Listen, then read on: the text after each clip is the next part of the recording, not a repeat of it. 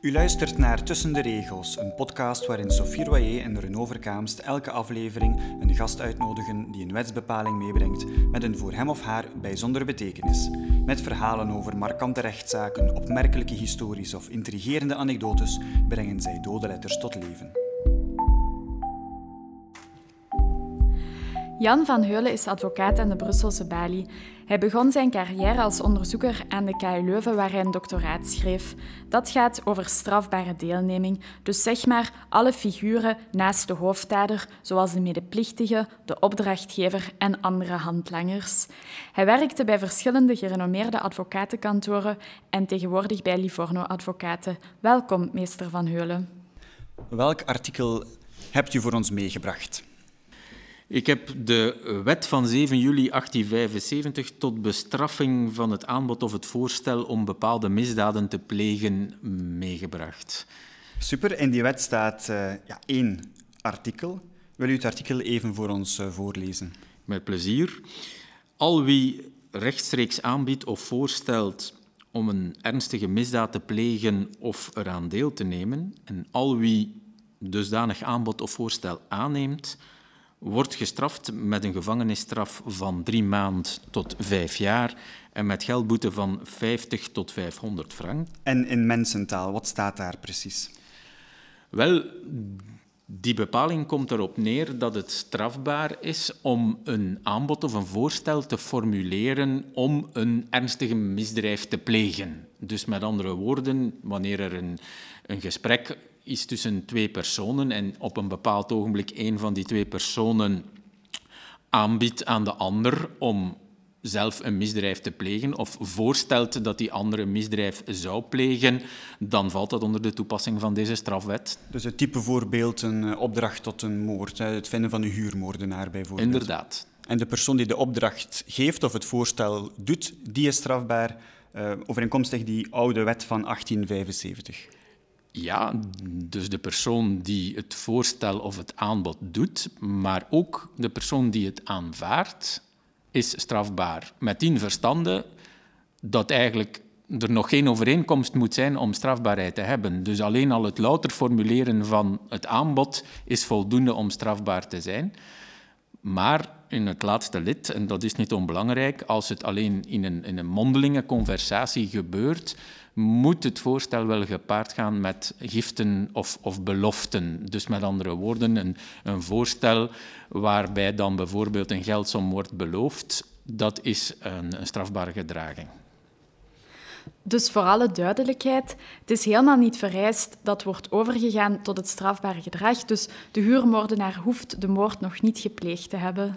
Inderdaad, dat, dat is zo. En dat is precies het belang van, van deze wettekst. Namelijk dat, dat het eenvoudige voorstel, zonder dat het voorstel wordt uitgevoerd, reeds strafbaar kan zijn. En waarom vond de wetgever het precies in 1875 uh, eh, nodig om zo'n artikel in te voeren? Want ik veronderstel dat uh, toen reeds een strafwetboek bestond. Inderdaad, dus het, het Belgisch strafwetboek bestond reeds op dat ogenblik maar vertoonde blijkbaar een, een, een, lacune of een hiaat, zo bleek. En waarom precies op 7 juli 1875 uh, eh, zag men het licht en voegde men dit uh, artikel in? We moeten eigenlijk terug naar de periode van 1870 en die feiten hebben zich afgespeeld tegen de achtergrond van de Frans-Pruisische oorlog. Ja, dus eh, Frankrijk en Pruisen voeren oorlog.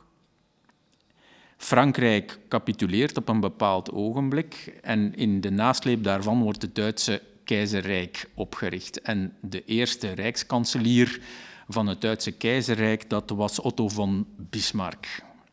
En Otto von Bismarck heeft bij aanvang een, een politiek of een strijd tegen de katholieken gevoerd. En op een bepaald ogenblik Wanneer dat juist was, dat weet ik niet precies, maar is er een, een Belg van beroep, een kopersmet, met de naam Duchesne, die een brief schrijft naar de aartsbisschop in Parijs, waarbij het voorstel formuleert om Otto von Bismarck om het leven te brengen.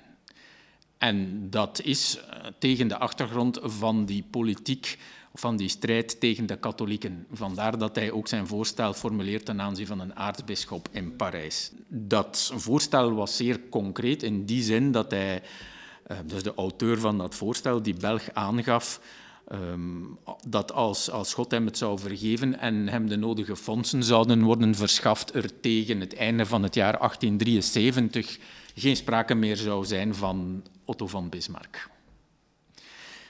En uiteindelijk uh, komt die brief dus terecht bij de aartsbisschop in Parijs. Die antwoordt de brief, beantwoordt de brief niet, brengt de brief ter kennis van de Franse regering, die die brief overmaakt aan de Belgische regering. En in België start men een strafrechtelijk onderzoek naar die feiten. Dat onderzoek wordt gevoerd in Luik en dat onderzoek, onderzoek mondt uit in een ontslag van rechtsvervolging.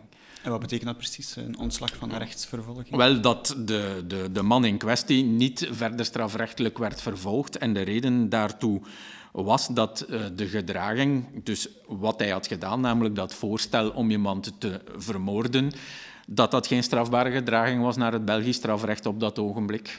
En dan is de wetgever dus in actie geschoten. Wel, daar is nog wel wat aan vooraf gegaan, maar, maar het komt daar inderdaad op neer. De Belgische wetgever heeft een duwtje in de rug nodig gehad van de Duitse overheid. Dus het is uiteindelijk op uh, initiatief en op uh, in een zin zonder druk of minstens op basis van onderhandelingen met de Duitse overheid, bij wie dat voorstel om van von Bismarck te doden ook ter sprake was gekomen, of die hadden daar ook kennis van gekregen. En dan heeft men toch um, de Belgische wetgever aangespoord om die uh, gedraging strafbaar te stellen. En dat was de concrete aanleiding om dan in 1875 deze wet uit te vaardigen. We hebben al veel over huurmoordenaars gesproken, maar welke misdrijven zijn dan nog ernstig genoeg om in het vizier van die strafbepaling te komen? Wel, ehm, de wet zelf voorziet eh, de, de meest ernstige misdrijven, dus waarop levenslange hechtenis of levenslange opsluiting staat, of opsluiting van 10 tot 15 jaar. Dus um, ook, ook, misdrijven die bijvoorbeeld een, een gijzeling of, of een, een, ontvoering, denk ik, kunnen daarvoor uh, in aanmerking komen. Ja, dus ook in een zeg maar, maffia-context waarin iemand zegt uh, I'll make you an offer you can't refuse, dan moet de persoon die uh, die woorden uitspreekt en de persoon die die woorden hoort toch wel even op zijn of haar tellen letten. Dat is inderdaad zo zijn er al veel uh, toepassingsgevallen van deze, van deze wet. Met andere woorden, ja, heeft deze wet dan ook een impact gehad uh, op de praktijk? Wel, er zijn mij in elk geval zeer weinig eh, situaties bekend die, die zouden aanleiding gegeven hebben tot een strafrechtelijke veroordeling um, op basis van deze wet. Dus ja, in dat opzicht is het eerder een, wet die men zou kunnen thuisbrengen in een, soort rariteitenkabinet van het strafrecht. Nu, de reden daarvoor is dat wanneer er zo'n crimineel aanbod of voorstel of verstandhouding um, bestaat tussen mensen, dat vaak uh, dan aanleiding heeft tot het plegen van het misdrijf zelf. En dan zijn die mensen strafbaar op grond van dat misdrijf zelf of een betrokkenheid daarbij. De meeste huurmoordenaars zijn met andere woorden goede uitvoerders van de, van de bestelde plannen. Wel, zo zou je dat inderdaad kunnen stellen. En als men er niet toe overgaat tot het uitvoeren van het misdrijf, dan valt het natuurlijk heel moeilijk te bewijzen. Ja, want als ik het goed begreep, is er in, in de wetsbepaling wordt er al een onderscheid gemaakt tussen mondeling en schriftelijke bestellingen, reservaties, zeg maar. Dat, dat, dat klopt inderdaad. En daar is een specifieke reden toe. De wetgever vond de beide modaliteiten, dus zowel het mondeling ter sprake brengen of het mondeling aanbieden of voorstellen, even strafwaardig als het schriftelijk aanbod of voorstel, maar voorzag eigenlijk bewijsproblemen en heeft daarom de voorwaarden van de giften of beloften daaraan toegevoegd. En onze Belgische kopersmid, had die bepaalde giften of uh, beloften en gedachten, of die was gewoon volledig uh, overtuigd van, uh, van de goede zaak? Indien ik mij dat juist herinner, schreef hij in de brief dat hij daartoe bereid was indien hem de nodige fondsen zouden worden verschaft. Dus hij was eigenlijk op zoek naar crowdfunding. Ja, zo lijkt het inderdaad wel. Misschien nog één laatste vraag. Als u de mogelijkheid zou hebben om die tekst aan te passen, als wetgever, wat zou u dan precies doen?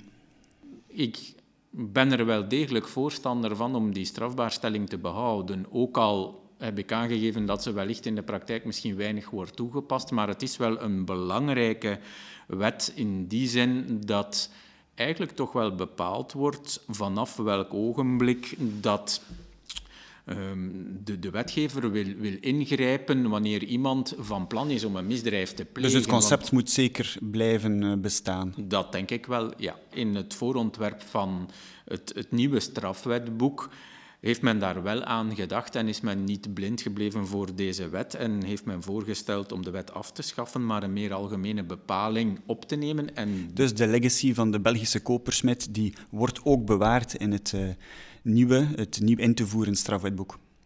Dat klopt inderdaad. Dus dan rest er mij alleen u nog van harte te bedanken voor dit leerrijke gesprek.